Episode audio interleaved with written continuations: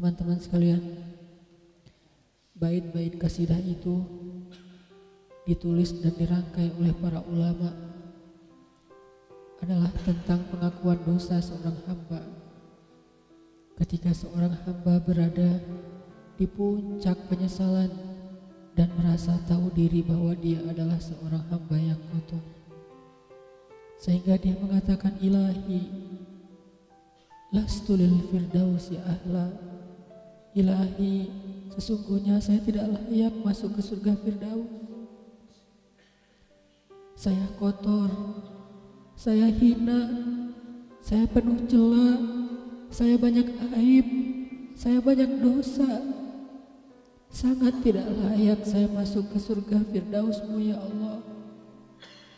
Tidak ada satupun amal yang bisa saya banggakan sehingga menjadi jalan bagi saya masuk ke surga Firdausmu ya Allah. Kita harus merasa diri kita rendah di hadapan Allah. Itulah kenapa kita sujud. Dan Allah suka kepada orang yang merendahkan diri di hadapannya. Itulah kenapa Allah suka kepada hamba yang bersujud. Seandainya pintu surga itu terbuka dengan kunci amal solih, saya tidak punya kuncinya ya Allah. Saya beramal solih tetapi belum layak untuk membuka pintu surga. Saya sholat, saya puasa, saya tarawih, saya sedekah, tapi semua itu belum cukup untuk membuka pintu surga karena keterbatasan amal solih saya. Masih banyak kesalahan dalam amal-amal yang saya kerjakan karena saya bodoh ya Allah. Lalu bagaimana nasib saya kelak di akhirat ya Allah? Jika ditimbang-timbang, Sungguh kedurhakaan saya lebih sering daripada istighfar saya ya Allah. Saya tidak pantas menjadi penghuni surga ya Allah. Wala aqwa ala naril jahimi. Tetapi saya juga tidak akan kuat dengan azab neraka jahimmu ya Allah. Karena sesungguhnya tidak ada satupun dari makhlukmu yang sanggup merasakan azab neraka. Semuanya takut kepada nerakamu ya Allah. Jangankan satu tahun, jangankan satu bulan, jangankan satu hari, sedetik pun tidak akan sanggup ya Allah. Karena saya mendengar sesungguhnya Rasulullah SAW bersabda, azab yang paling ringan bagi penduduk neraka adalah dipakaikan baginya sendal terompah dari api yang membakar kakinya sampai mendidihkan kepalanya. Itulah azab yang paling ringan di neraka untuk orang yang paling ringan berbuat dosa. Bagaimana dengan saya ya Allah?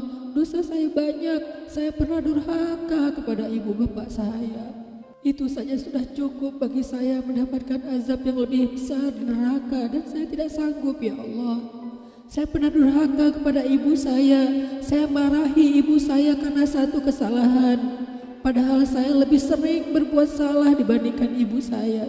Tapi ibu memaafkan saya ketika di waktu kecil saya memecahkan barang-barang ibu saya. Ibu saya memungut barang-barang itu sambil tersenyum, membelai kepala saya, mengatakan nasihat-nasihat yang baik. Sama sekali ibu saya tidak marah kepada saya saat itu. Tapi ketika telah dewasa, tidak sengaja ibu saya yang sudah tua renta kadang memecahkan barang saya, merugikan sedikit saja dari harta saya, saya marah seperti setan ya Allah. Saya bentak ibu saya ya Allah. Bahkan kadang membuat ibu saya terluka, kaget, takut. Pantaskah seorang ibu merasa takut terhadap anak yang dia kandung sembilan bulan? Yang dia lahirkan dengan taruhan nyawa? Yang dia susui dengan darah dagingnya? Yang dia didik, dia jaga? Yang dia berjaga di malam hari tidak tertidur? Demi untuk menjaga anaknya dari seekor gigitan nyamuk. Pantaskah ibu merasa takut terhadap anaknya sendiri? Cukup satu dosa besar saja durhaka kepada ibu membuat saya pantas masuk api neraka. Belum lagi dosa saya kepada ayah.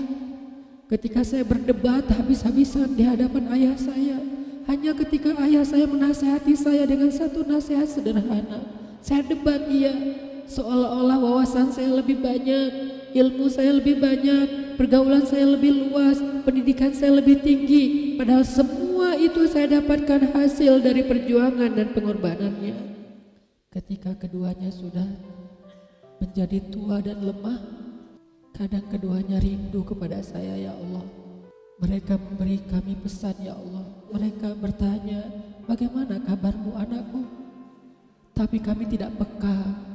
Hati kami tertutup dengan ego dan sombong. Kami tidak bisa membaca teks itu dari perasaan mereka. Kami hanya membaca teks mereka dan tidak segera membalasnya. Kami anggap teks dari orang tua kami tidak penting.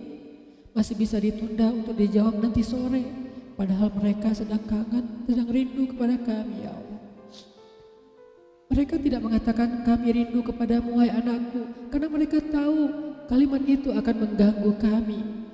Kalimat itu akan menjadikan hari kami tidak lagi mudah. Kalimat itu akan merusak konsentrasi kami dalam bekerja. Kalimat itu akan menghalangi banyak urusan kami sehingga mereka menahan diri. Mereka hanya bertanya apa kabar kami. Lalu kapan kami berbakti kepada mereka ya Allah? Sampai seusia ini kami masih merepotkan mereka ya Allah. Kapan kami akan berbakti kepada mereka? Rasanya kami lupa. Entah kapan kami pernah memijat kaki mereka setelah mereka seharian bekerja. Entah kapan kami pernah memberikan minuman hangat untuk mereka. Kami durhaka kepada orang tua kami ya Allah. Bahkan setelah mereka wafat, kami lupa mendoakan mereka di dalam sholat kami. Harusnya kami disiksa di api neraka, tetapi kami tidak kuat ya Allah. Belum lagi durhaka, kedurhakaan kami yang lain, dosa-dosa besar kami yang lain. Kami pernah bermaksiat kepadamu diam-diam ya Allah. Kami pernah berbuat dosa diam-diam dan padahal kami tahu itu dosa besar. Tapi kami tidak peduli, kami tidak takut kepadamu. Seolah-olah ancamanmu itu hanyalah mitos, seolah-olah ancamanmu itu hanyalah fiktif, seolah-olah apa yang kau firmankan di dalam Al-Quran itu tidak benar-benar ada. Kami sombong, menantangmu dengan berbuat dosa. Banyak dosa yang kami tidak bisa menyebutkan satu persatu ya Allah. Keluh lidah kami untuk menyebutkan lisan untuk menyebutkan dosa-dosa kami ya Allah. Malu untuk menyebutkan dosa-dosa kami ya Allah. Tidak ada yang bisa kami harapkan darimu selain engkau terima taubat kami ya Allah. Fahabli taubatan. Beri kami taubat yang nasuha ya Allah. Terima taubat kami ya Allah. Kami belum berani meminta surgamu. Kami juga tidak akan kuat dengan nerakamu. Kami meminta terimalah taubat kami, penyesalan kami, janji kami untuk kembali kepadamu memperbaiki diri. Teman-teman sekalian, mari kita baca bait itu dengan penyesalan. Kita baca bait itu seolah-olah kita sedang curhat kepada Allah Subhanahu wa taala. إلهي لا في دوسي أهلا ولا أقوى على النار جحيم.